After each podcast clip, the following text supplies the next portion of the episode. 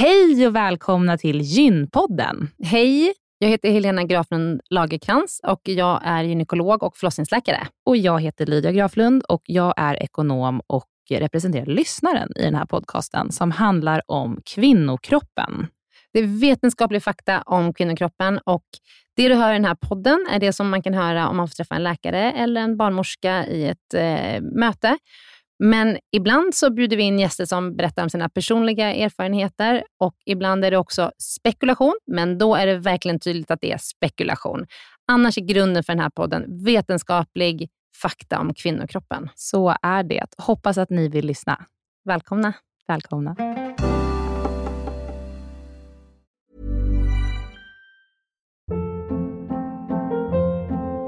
Hold up. What was that? Boring. No flavor. That was as bad as those leftovers you ate all week. Kiki Palmer here, and it's time to say hello to something fresh and guilt-free. Hello Fresh. Jazz up dinner with pecan-crusted chicken or garlic butter shrimp scampi. Now that's music to my mouth. Hello Fresh. Let's get this dinner party started. Discover all the delicious possibilities at hellofresh.com. Den här veckans avsnitt av Gynpodden är sponsrad av Ester Care. Och Helena, det är ju det bolaget, vårdbolaget, som du och jag har varit med och startat, där vi erbjuder digitala vårdmöten med specialister inom kvinnovård. Precis. Och vi vet att det är väldigt mycket vårdpersonal som lyssnar på Gynpodden, vilket vi är jätteglada för. Och vi behöver alltid fler gynekologer till STKR. Så därför vill vi nu göra en shout-out till alla er som lyssnar där ute som vill vara med och förändra svensk kvinnovård. Vi söker specialister inom gynekologi, men också ST-läkare som har kommit en bit in i sin ST och som vill arbeta digitalt eh, med handledning på, hos oss på STKR. Mm. Och precis som det är för våra patienter som kan söka vård hos oss, det vill säga att de kan bo vart som helst i landet eftersom vi är digitala. Om man laddar ner appen och så bokar man ett vårdmöte, så kan ju även läkaren bo vart som helst i landet eller flytta under tiden man jobbar hos oss. Det är ju väldigt, väldigt flexibelt eftersom eh, man jobbar hemifrån. Och Jag tänker att det måste ju också vara helt underbart att som läkare kunna arbeta hemifrån och planera sin egen tid några dagar i veckan. Ja, verkligen. Och samtidigt vara med och förändra kvinnovården med kollegor som är otroligt drivna och engagerade. Det är jätteroligt att jobba på SDKR. Och jag tycker att det här är en häftig grej som vi gör just nu, att vi erbjuder gyn, äh, gynvård i hela landet. Och vilka är de vanligaste patientmötena du tar, Helena? Ja, men det är ju klimakteriet, eh, PMS, eh, mensbesvär. Och det är ju såklart Eh, ärenden och eh, diagnoser som går att hantera digitalt. Men vi remitterar också vidare när det behövs mm. Eh, och tar labbprover när det behövs mm. och så vidare. Mm. Så gå in på sdcare.com, klicka på jobba hos oss i menyn för att läsa mer och skicka in en ansökan. Tack så mycket. Tack och välkomna. Hej välkomna till Gynpodden. Idag ska vi podda återigen med Nina Campioni. Hej Nina! Hallå! Så Välkommen. himla kul att vara med igen. Ja, jättekul. Ja. Senast poddade ju du, jag och Lydia och då gjorde vi en liten mashup med Vattnet går, som är din podd, och ja. Gynpodden. Mm. Men idag ska vi bara prata om dig Nina. Oh, alltså, det är så lyxigt. Det är mitt favoritämne. ja, exakt. Ja, det, ja, ja, det, det, är mitt favoritämne också. Ja, men vad trevligt. så Nina, eh, det här ska ju inte definiera dig, men att du kom ut ur garderoben som knappt 40-åring, du var småbarnsmamma och så berättade du att du hade hamnat i klimakteriet. Jag tycker att det var kanske en av de modigaste grejerna du har gjort. Jag tycker det var... Ja, ja, rysningar på den. För det är så otroligt viktigt. Mm. Och det är så vanligt att kvinnor går så många år med besvär som man inte ens förstår är klimakteriet. Mm. Och sen så när man väl inser det så tänker man, gud dessa förlorade år när jag har mått så dåligt. Exakt så. Mm. Och sen kan man ju också diskutera att du var 39 och det kallar ju vi ett väldigt tidigt klimakterium. Mm. Och då kan vi, ska vi prata lite om så att, eh, vi, vi kommer, återkommer till det, men också att det är viktigt att man faktiskt där och då definierar att man är i klimakteriet, för då ska man ju ha en förebyggande behandling. Just det. Så, men det ska vi prata mer om. Mm. Intressant. Och, ja, men och sen också att det är så, fortfarande så skamfyllt och, och känsligt att hamna i klimakteriet, fast vi vet att alla kvinnor på hela jordklotet hamnar i klimakteriet vid mm. en given tidpunkt. Mm. Nina, du är journalist och sen är du poddare. Som jag sa, du har den här podden som heter Vattnet går, som har funnits i åtta år. Oh, Gud. Riktig gamling. Riktig gamling, ja. Och sen är du bloggare på Motherhood. Mm, och så fick jag precis höra att du ska starta, eller öppna en pop-up butik Ja. i Moodgallerian här i Stockholm. Exakt, varför inte göra några fler saker liksom? Ja. Ja men precis, jag håller på med second hand också. Eh, Det var liksom lite av en hobby och nu, nu blir det lite mer allvar här. Superkul. Det ska bli jättespännande. Ja, second hand är ju också så rätt i tiden. Ja, Jag ska verkligen. gå dit. I Moodgallerian sa du, eller hur? Precis, alla är så välkomna. Mm. Kul. Okej, men nu kör vi igång med din historia. Härligt.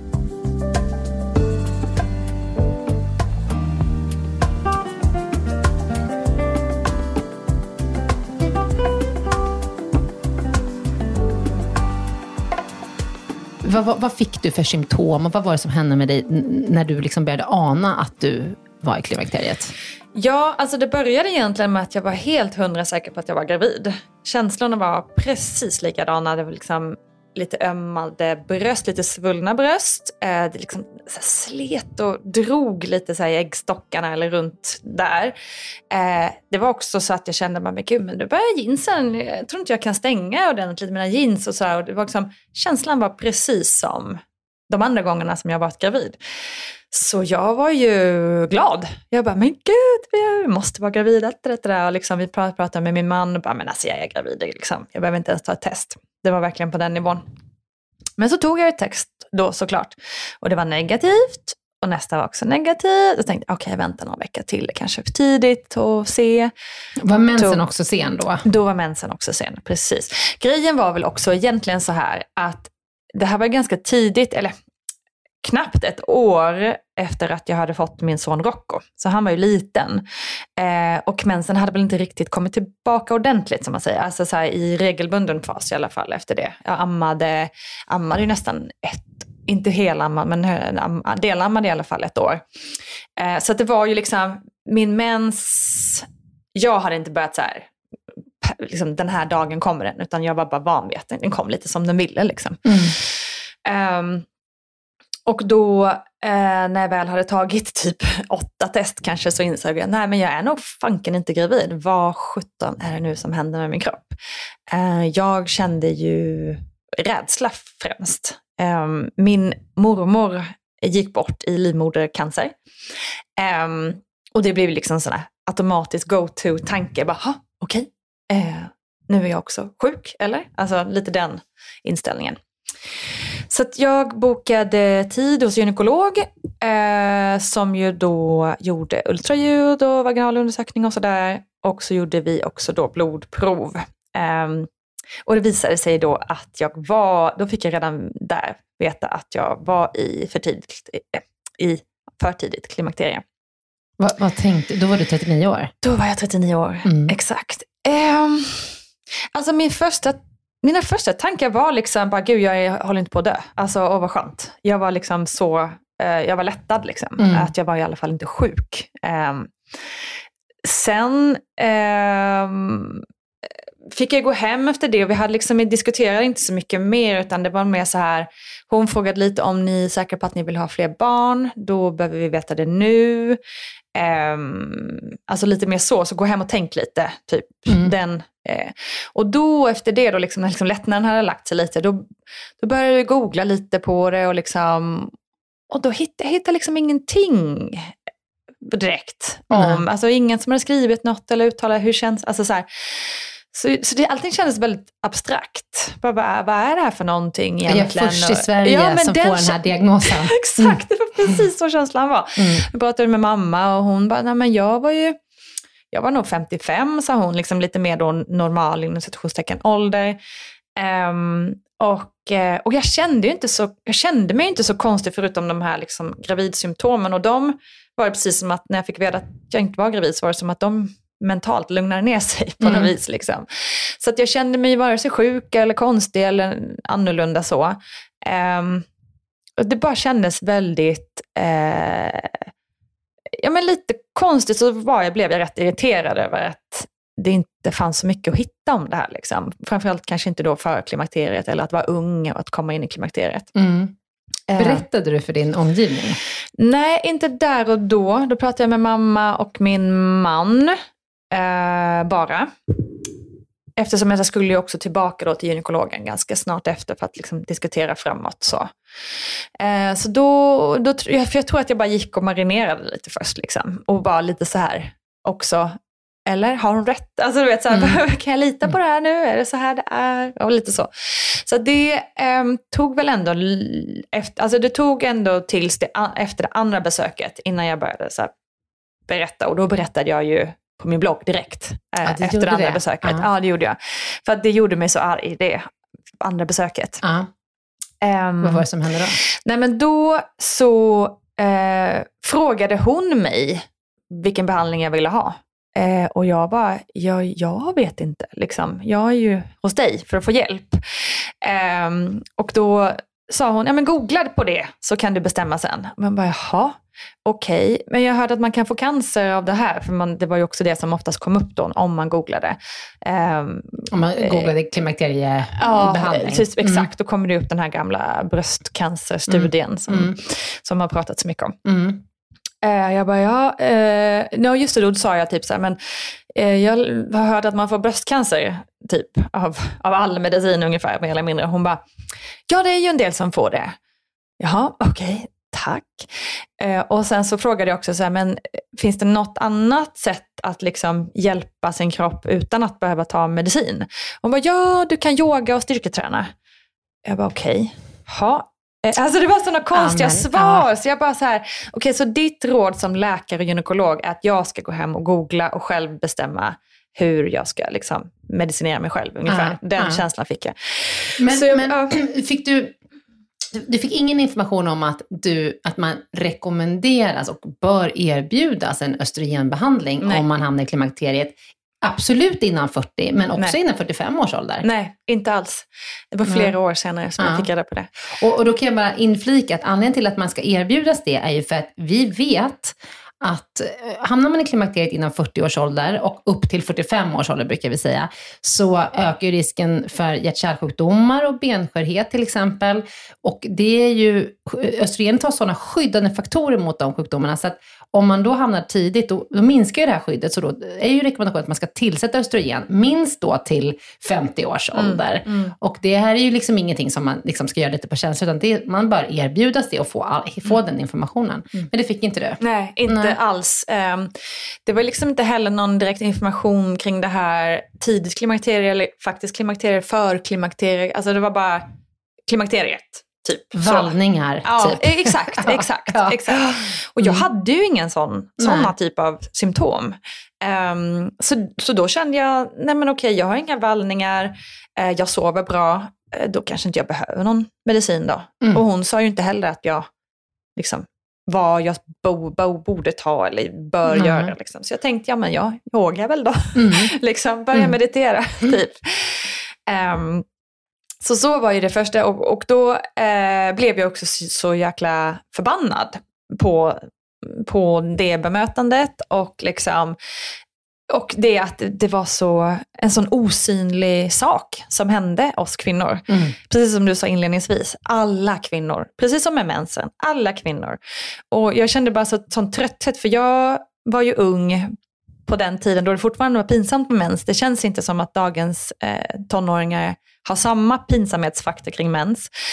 Eh, men när jag var tonåring så var det ju pinsamt. Fruktansvärt pinsamt. exakt. Ja. Så jag kände bara, men inte igen. Liksom. Mm. Jag, det, nu får det fan vara slut. Alltså, det, vi kan inte hålla på så här, det är vansinnigt. Alltså på en sån sjukt naturlig sak. Nu mm. kommer jag då lite för tidigt in i det, men det är ändå för en kvinnas liv en jättenaturlig sak. Mm. Det är ingenting som är konstigt.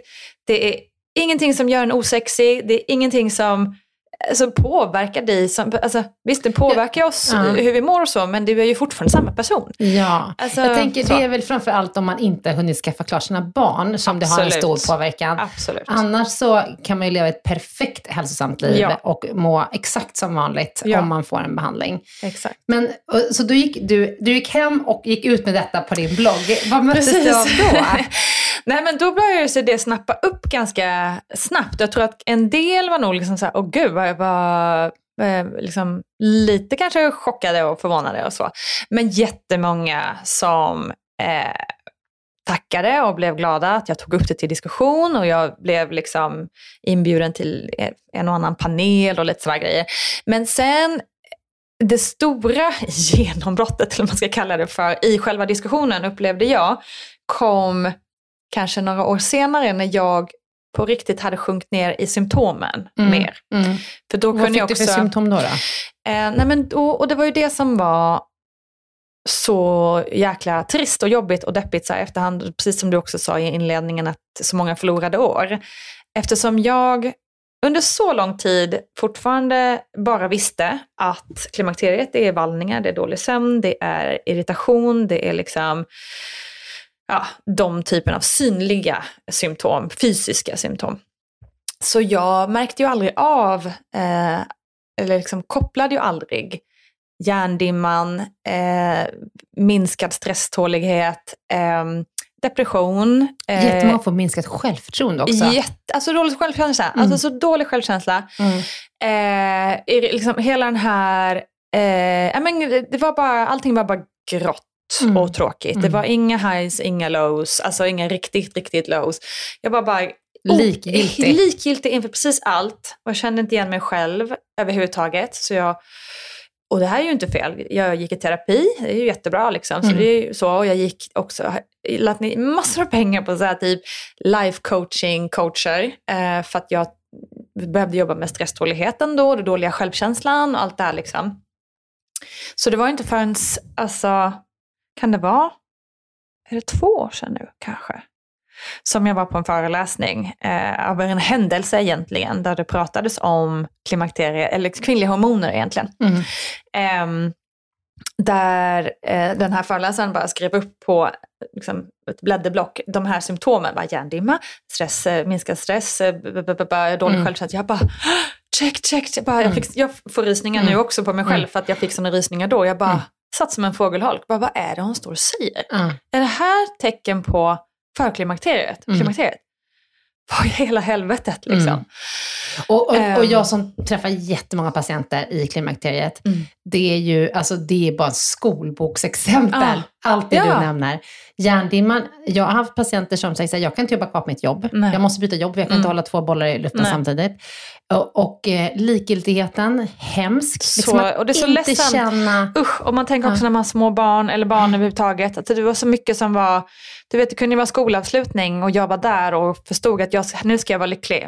Gråta glädjetårar och vara stolt och allt det där.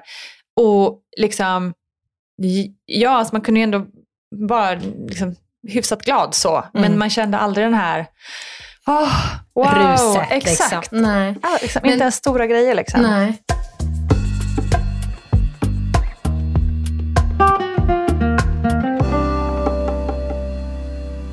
Eh, Men eh, hur sov du då?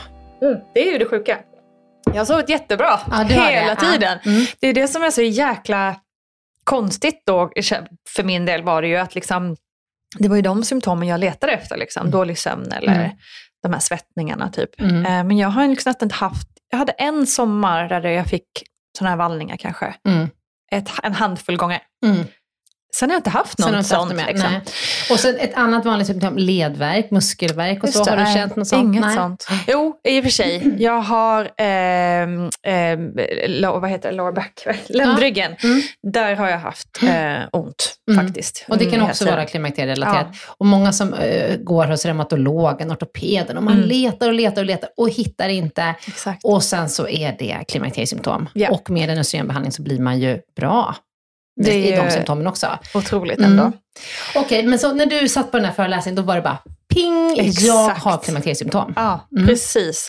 Och det var sån jäkla... Först var det också, återigen som jag var inne på det här när jag trodde jag var sjuk, det var sån lättnad. Jag bara okej, jag är kanske inte eh, deprimerad på det där viset. Liksom, på, det, på det viset att jag borde käka antidepp eller, liksom, eller skilja mig eller allt det där. Liksom.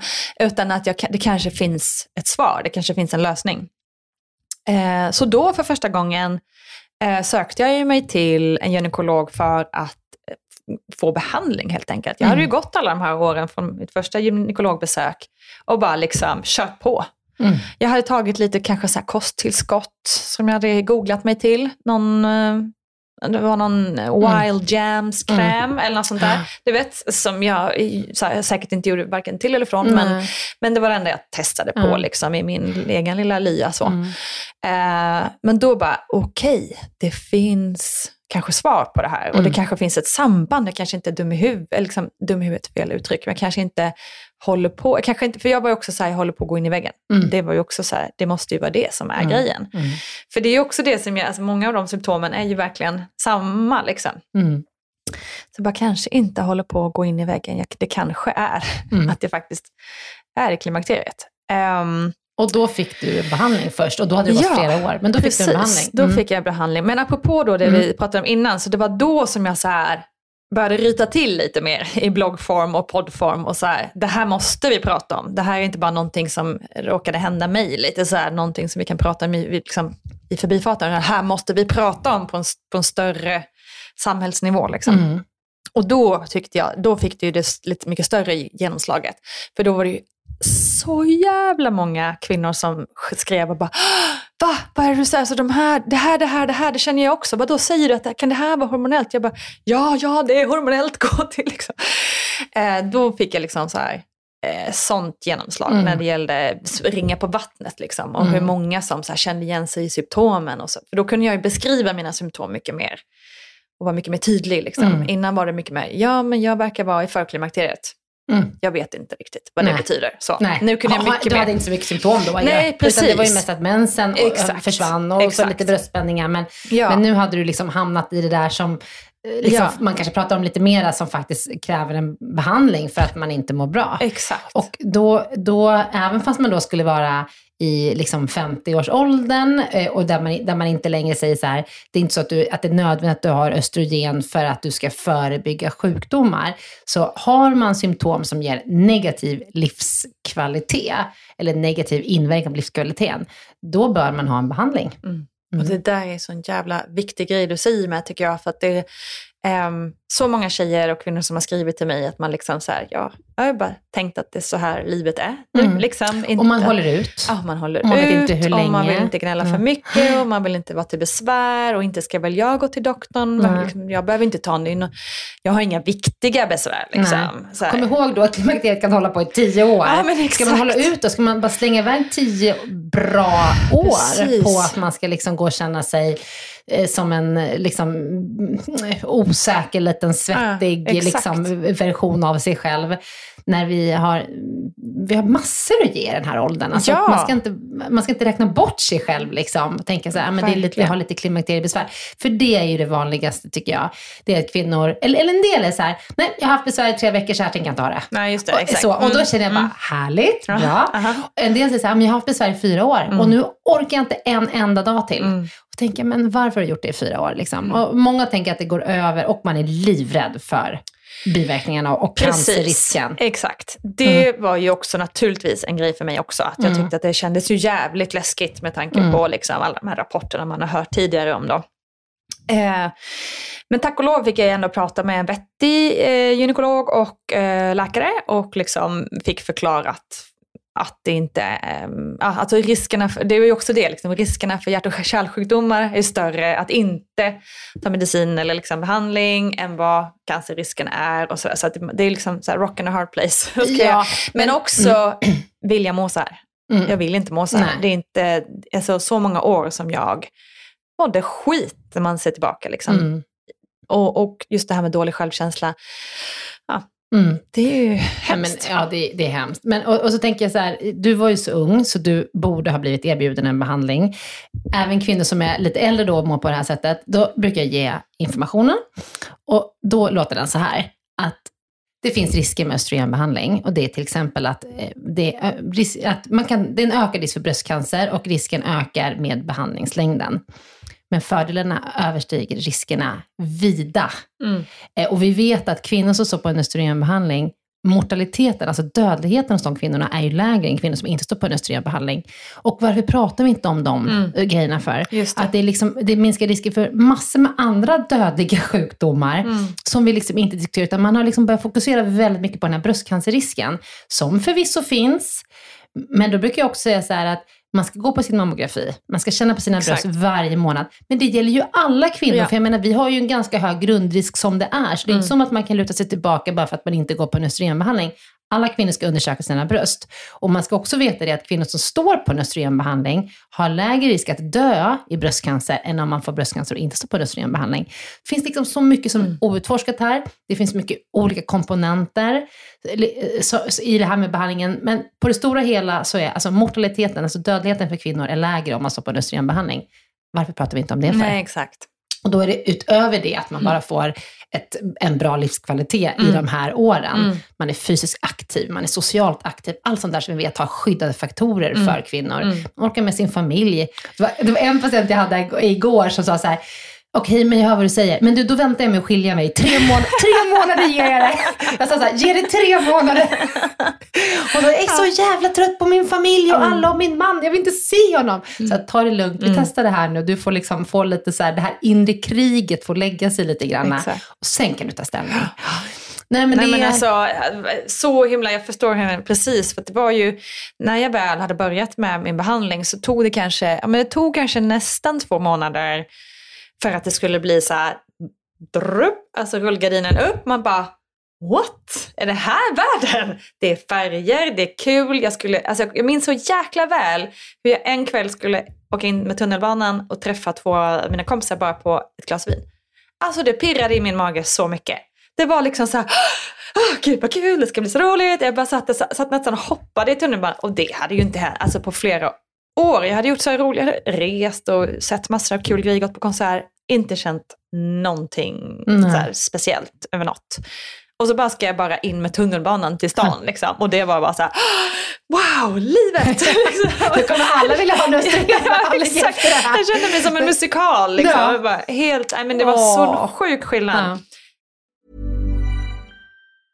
Ever catch yourself eating the same flavorless dinner three days in a row? Dreaming of something better? Well, HelloFresh is your guilt free dream come true, baby. It's me, Gigi Palmer.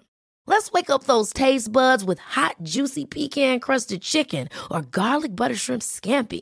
Mm. Hello Fresh. Stop dreaming of all the delicious possibilities and dig in at HelloFresh.com. Let's get this dinner party started. Here's a cool fact a crocodile can't stick out its tongue.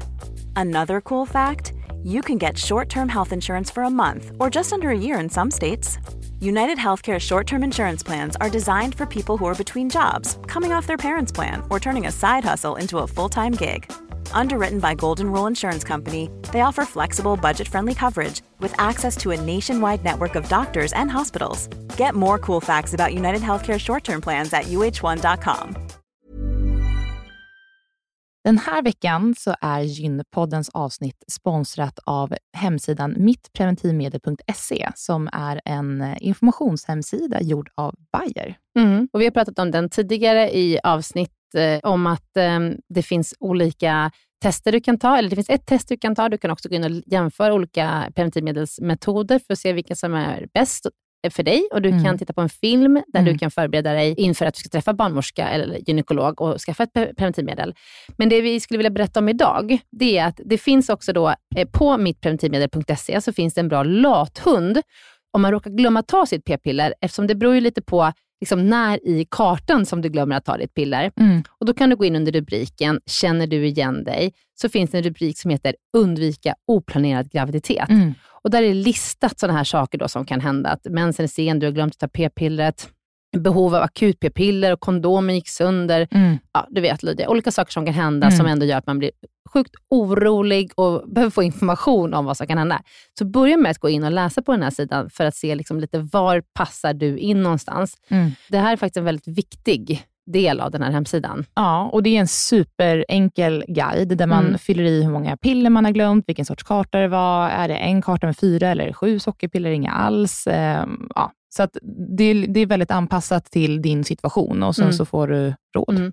Och Ibland kan det vara att man bara, bara behöver ta igen det här pillret som man har missat och ibland behöver man kanske komplettera och ha kondom i en vecka liksom, eller så under en viss tid. Så att, eh, ja, men den är informativ och bra. Så gå in och kolla på mittpreventivmedel.se och sen klicka vidare till den här lathunden då som man hittar under rubriken Känner du igen dig? Mm. Jättebra sida. Tack Mm. Bayer. Tack Bayer.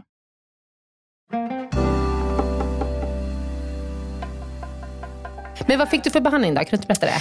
Då eh, fick jag, först fick jag, eh, så, här sp- ehm, du får ju hjälpa mig med namnen här, men vad heter det? Len- Lenzetto. Lenzetto-sprayen. Eh, Sprayen, östrogenspray. Mm. Exakt, som man sprayar på armen. Funkade jättebra för mig, dock blev den så restnoterad Mm. eh, för ett tag sedan, så nu har jag estradiolplåster, heter det va? Okej, Estradot. Estradot, gud. Mm, Ja, ja. tack. Alla, de här är ju transdermala, eh, alltså eh, östrogen som man tar via huden. Ja. Och jag rekommenderar ju alltid östrogen via huden. Mm. För, vet du varför? Nej. Nej, för att om man tar östrogen via tablettform, det finns ju klimakteriebehandling i tablettform, då, ökar, då finns det ju en, risk, en ökad risk för blodproppar. Också för Jaha. till exempel ehm, ökat blodtryck och, och lite andra saker. För att när man tar östrogen via munnen, då aktiveras östrogenet i levern och då sätter det igång en kaskad av liksom, Mhm. reaktioner i kroppen. Mm. Eh, Effekten av östrogenet är lika bra, oavsett om du tar tablett eller liksom via, via huden. Men om du tar det via huden så är det ingen ökad risk för proppar jämfört med kvinnor i samma ålder som inte Wow. står på östrogen. Så varför ska man ta via Nej, tablettform? precis. Sen är det vissa som vill det ändå, men, men alltså man, jag tycker att man ska erbjudas båda alternativen, få information om båda alternativen och då väljer ju nästan alla Mm. hudformen. Och den finns ju gel, plåster och spray och då har du testat sprayen och plåster. Tycker du det Ja. var någon skillnad mellan dem då? Ehm, alltså på ett sätt är ju kanske plåstret lite enklare eftersom du inte behöver, eh, för sprayen måste du spraya varje dag. Eh, plåstret ska sitta på tre eh, dagar, Mm. Man byter två gånger i veckan, Ja, så var precis, tredje, var fjärde var tredje, dag. Mm. Exakt. Eh, så på ett sätt så är ju plåstret enklare skulle jag säga. Det, Mm. det enda som kan kännas lite ibland som nu när det har varit lite så sommar och sol och man har bikini och så har man ett, liksom ett plåster där. Alltså det kan Mm. man ju gömma Mm. naturligtvis. Det kan sitta under bikini men, Ja men precis, det kan Mm. det göra. Men ibland blir det lite att man råkar riva till det eller lite så här, det är Mm. li, alltså gud, Mm. verkligen petitess. Mm. Ehm, men likadant med sprayet så kände jag, eh, som har varit, eh, vi är ju i Italien väldigt mycket för min man kommer därifrån. Och då är det ju bad på bad på bad på bad på sommaren. Mm. Och då kände jag en viss oro liksom med sprayet. För sprayade jag på morgonen så gick man ju bada och sen gick man, alltså Mm. hur länge, du vet, Mm. den kändes Mm. lite så här, då kändes plåstret lite säkrare. För det, Just det. sitter ju ändå där. Mm. Liksom. Så att ja, men jag skulle nog välja plåster. Båda är jättebra Ja. tycker jag, men plåstret kanske ändå vinner lite, Mm. tror jag. Ja. Och om man har sin livmoder kvar så ska man ju ha ett gulkroppshormon också som skyddar livmoderslemhinnan. Fick du det? Gulkroppshormon, nu blir jag osäker här. Men du fick något mera preparat? Jag har ju sån progestan. Progesteron. Progesteron. Ja, just det. Det är, gu- det är ett annat ord Det för är tur att du är gulkroppshormon. experten i den här podden. Och då har jag sån här bi- bioidentiskt Mm. som heter, Utrogestan. Tack. Mm. ehm, jag har bara haft den några år nu, jag kan Mm. ändå inte komma ihåg exakt Nej. vad allting heter. Eh, och det eh, står egentligen att det ska tas vaginalt, men jag tar det muntligt eller oralt. Mm. Det kan man välja. Mm. Man kan välja det. Mm. Och det tar jag då 12 dagar i månaden, Mm. så att det blir liksom som en cykeltänk, Mm. gissar jag, att det är därför man gör det. Mm. Och det har funkat bra. Mm. Ja. Sover du gott på dem? Ja. Ja. Man tar ju dem på kvällen för man blir lite trött. Mm. Mm. Och det är det här bioidentiska progesteronet. Och det här kan ni ju lyssna på i tidigare poddavsnitt när vi pratar om om man ska ha bioidentiskt progesteron eller om man ska ha gestagen som skydd under klimakteriebehandling. Det finns ju lite för och nackdelar med dem. mm. Men det viktiga är ju att om man har en, eh, sin livmoder kvar och har en östrogenbehandling så måste man ha ett gulkroppshormon i, i någon form. Annars så kan man ju få cancer i livmodern. Så det är därför man har den. Mm. Så det är jätteviktigt. Det vill man ju inte. Nej, det vill man ju inte. Men, men, men med, med skydd av gulkroppshormon, då är det ju, skulle jag säga, ingen ökad risk för cancer i livmodern. Så att det är liksom, men man måste ha den kombinationen. Mm, Mm. Just det. Ja, så Ja. det har jag och har haft nu då, nu minns jag inte exakt, men det är nog snart två år skulle jag tro. Ehm, och har ju mått eh, bra. Sen blir det liksom så här som jag var inne på, den här första initiala hajen man fick efter att ha, ha mått, varit liksom, mått trist Mm. under så många år. Mm. Det la ju sig efter ett tag liksom, och så blir man lite mer normal. Vad man Ja. ska säga. Så man går ju, det som är lite så här, eh, var hönan lägget eller vad man ska säga, är ju lite så att man börjar tänka hela tiden varje gång man får en liten low, för det, Mm. kan man ju, det får ju alla människor oavsett om man, har liksom, om man är i klimakteriet eller inte.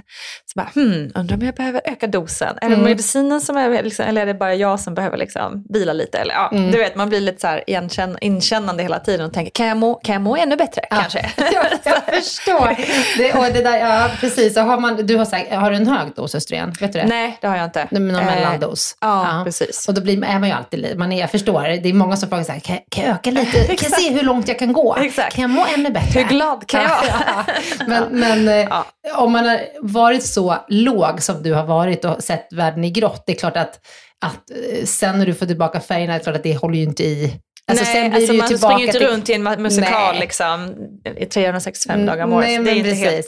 Sen blir man ju som vanlig, Ja, alltså, precis. den vanliga Men det är ändå, precis, nu blir Mm. exakt. Och det är Mm. det som är det bästa, liksom, att man känner igen sig själv och, och man mår generellt bra. Liksom. Mm. Men vad hade du velat ha för information innan? Och när, när ska man få informationen och hur ska man få informationen om klimakteriet? Alltså, jag, det som är problematiskt med så här för tidig information är ju att man inte lyssnar på den ofta. Liksom, är man 25 och får höra om klimakteriet så lyssnar man ju kanske inte jättemycket. Liksom. Eh, så det är svårt att få den för tidigt, men jag skulle ju önska att alla ändå någonstans kände till, alltså en sån liten sak som att känna till symptomen. Liksom, Mm. som att alltså just det här att, för nidbilden av en klimakterie eh, kvinna är ju den här liksom gamla eh, damen i en sitcom som börjar svettas och skriker åt folk och, och liksom Mm. eh, så. Att det, att just det här med de mentala symptomen, att det, att vi borde vara mer känt liksom. Mm. Ehm, och att man visste det redan tidigt liksom. Att Mm. man i alla fall, för det här med vallningar känns som att det visste jag redan när jag var 20. Liksom, Mm. att, ja, ja, men man får ju vallningar och så skrattar Mm. man lite. Så. Eh, men att man redan också det, då visste att okej, man kan också bli deprimerad, eh, liksom, eh, få minskad stresstålighet, allt det där. Liksom, Mm. att man hade lite koll på, så man kunde Mm. liksom, ja, men så att man redan när man kände det, att, man, så här, att det kan vara, här, undrar om det här kan vara. Mm. Liksom. Ehm, för det var ju också, ja som sagt, även med mitt första gynekologbesök så fick jag ju inte veta det. Ehm, och hade jag fått veta det då, liksom, att ja, men om något år så kanske du kommer känna dig ledsen eller um, få lite sämre självkänsla, men då kanske Mm. man hade varit lite så här, ha, mm, Mm. vänta nu. Liksom. Mm. Men du Eh, verkar inte ha fått särskilt mycket information på det där första det gymbesöket. det kan jag inte säga. Men Kanske. så, så det hade man ju önskat. Alltså man har ju önskat att alla som jobbar, framförallt alla som jobbar med det här, Mm. borde ha den informationen och kunna delge den. Mm. Ehm, men sen tänker jag också att det skulle kunna vara inkorporerat i, liksom, i mödravården och, och liksom, den typ. Alltså att man bara får, bara så här, du, by the way, det här Mm. kan vara bra att hålla koll på. Mm. Ingenting du kanske behöver oroa dig för idag, men bara så att du har hört det någon Mm. gång. Liksom. Och också företagshälsovården. Ja, precis. Vårdcentralerna. Ja, ja men vårdcentraler. Snälla nån. ja. Det, det, är så, det pratas så extremt lite om klimakteriet. Eh, så att, men, men tyvärr är det så här, det finns ju stor kunskapslucka hos, hos vårdpersonal Mm. också. Mm. Eh, det är ju inte alla som vet alla symptom på klimakteriet och hur man bör behandla det på ett effektivt sätt och när man behöver sätta in en behandling. Det är inte bara vallning och svettningar som sagt, Nej. som, där man behöver liksom behandla och sådär. Eh, så vi behöver liksom lyfta det här Ja. i he, all, Alltså, hela samhället. Man kan ju tycka att så här, 50% av befolkningen kommer en gång komma in i klimakteriet. Mm. Då borde liksom en allmän läkare eller alla Mm. sjuksköterskor, alla som, jobbar med, vår- alla som jobbar med människor borde veta att det finns Mm. något som heter klimakteriet och det här är symptomen. Mm. Det är ju inte jättemycket kunskap. Alltså så här, de här liksom, första kunskaps... Liksom, Mm. det, är ju ingen, det behöver man nog inte plugga liksom, tre år för att liksom, komma ihåg. Nej. Och sen kan man ju skicka vidare sen till liksom, experter när Mm. det behövs. Men Ja, jag men, menar, En det är väl liten- det minsta man en kan liten begära. screening bara. Liksom så här, har du de här symptomen? Är man 45 Exakt. plus eller 40 plus?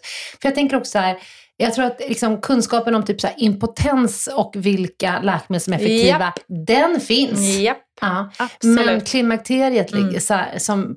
ah, Mm, ja, Nej, men det är det som är så fruktansvärt frustrerande. Och så många som också har skrivit till mig och som jag också, också har märkt i studier som har fått antidepp Mm. eh, utskrivna för att de har kommit med de här symptomen. Lite hjärndimma, lite så här, känner inte igen sig själv, känner sig deppig, låg självkänsla. Ja men då är det liksom, åh men då, då kan du få det här. Mm. Eh, istället för att, som du säger, screena för Mm. klimakteriet först kanske. Mm. Alltså det, är inte, det tar inte jättelång tid Nej. heller att kolla, Nej. ta reda på. Verkligen inte. Och när patienter kommer till mig, då, eh, om det är lite sådär det är så himla lätt med de som kommer och säger så här, jag har vallningar, svettningar, jag sover inte, jag känner Såklart. mig låg och ont i alla leder. Då är det så här, då, Japp. då är det no-brainer. Men så finns ju de, ja men som kanske du då för några år sedan, som var lite så här, ja men känner mig liksom kanske lite låg och, och alltså sådär. Och då, och om det är lite yngre kvinnor också, då brukar jag säga så här att hade du fått komma till en vårdcentral, då hade man testat en antidepp-medicin. Nu är jag gynekolog, då kommer jag testa en östrogenbehandling. Och nu är det superviktigt att vi utvärderar i tre månader. Och sen om tre månader så ska vi bestämma oss för, har du haft effekt eller inte? Och har du inte haft effekt, då måste man ju gå vidare och leta efter andra orsaker. Man Just kan inte det. sätta in en behandling och sen låta den löpa nej, nej, utan precis. Mm. att veta, så här, var det rätt behandling? Men det är ju inte alltid, det är ju inte alltid liksom jätte, jättetydligt vad det är för problem. Och det är också så att kvinnor i den här åldern mellan 40, 40, 45 sådär, att ibland kan det vara ganska svår PMS som kan ge de här Just det, problemen också. Mm. Men då, då är det oftast liksom ändå att det finns någon cyklicitet. Att, ja, men en, den kan vara kort, den goda perioden i, i månaden kan vara väldigt kort. Mm. Men ändå så här, ja men precis efter mens, då har jag fem dagar när jag mår riktigt bra. Ja men då är det liksom inte klimakteriet, då är det PMSen. Just men det. den kan också vara så att man svettas, sover dåligt, känner sig ledsen, eh, stresskänslig, alltså så. Mm. Då är det PMS. Så att här är det liksom, man måste vara detektiv, bo, alltså både för sig själv, liksom att tracka sina symptom, men också träffa en läkare som är lite detektiv och inte ger sig. Exakt. Nej, men det är väl lite det som känns generellt sett lite svårt för kvinnor idag, liksom, att komma till läkarstationen eller vårdcentralen och liksom hitta den där detektiven som har tid och eh, lust att börja gräva lite i det. Liksom. Ehm, Mm. Så det är ett problem, helt klart. Mm, det är ett problem.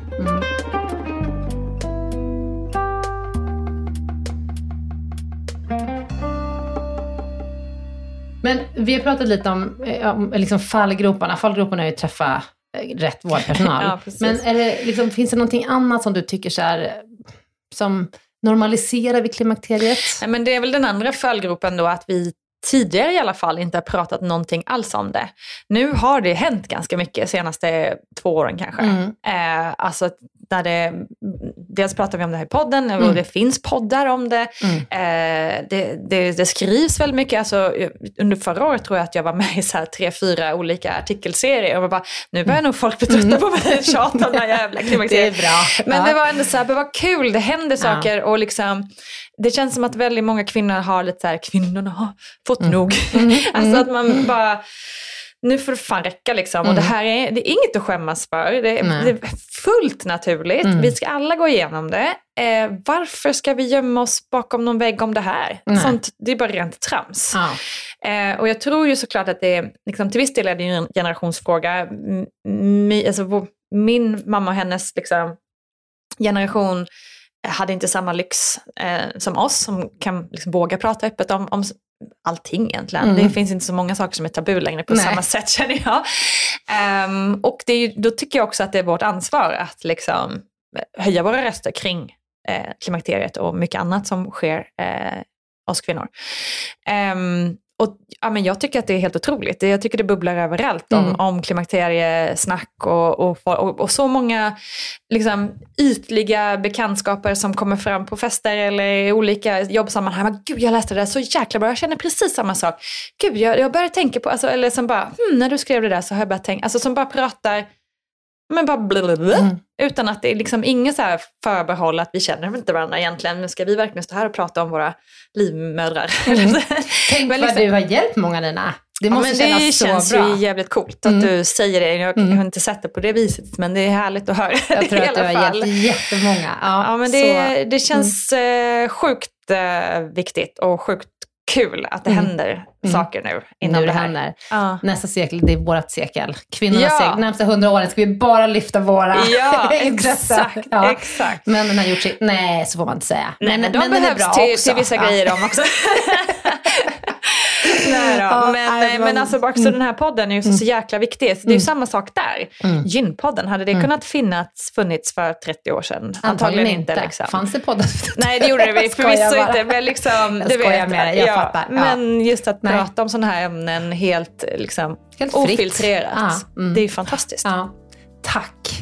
Tack själv. När vi, eh, jag säger på återseende, vi får se om Ja. vi pratar om nästa gång. Ja, det är bara, bara ringa. Ja. Tack så jättemycket att du kom hit idag. Tack snälla. Ha det fint. Detsamma. Hej. Hej, hej.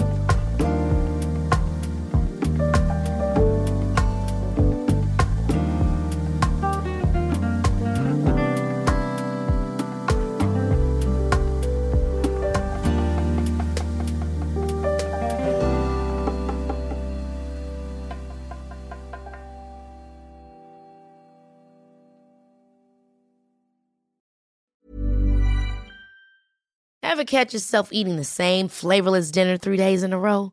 Dreaming of something better? Well, HelloFresh is your guilt-free dream come true, baby. It's me, Kiki Palmer. Let's wake up those taste buds with hot, juicy pecan-crusted chicken or garlic butter shrimp scampi. Mm. Hello Fresh. Stop dreaming of all the delicious possibilities and dig in at HelloFresh.com. Let's get this dinner party started.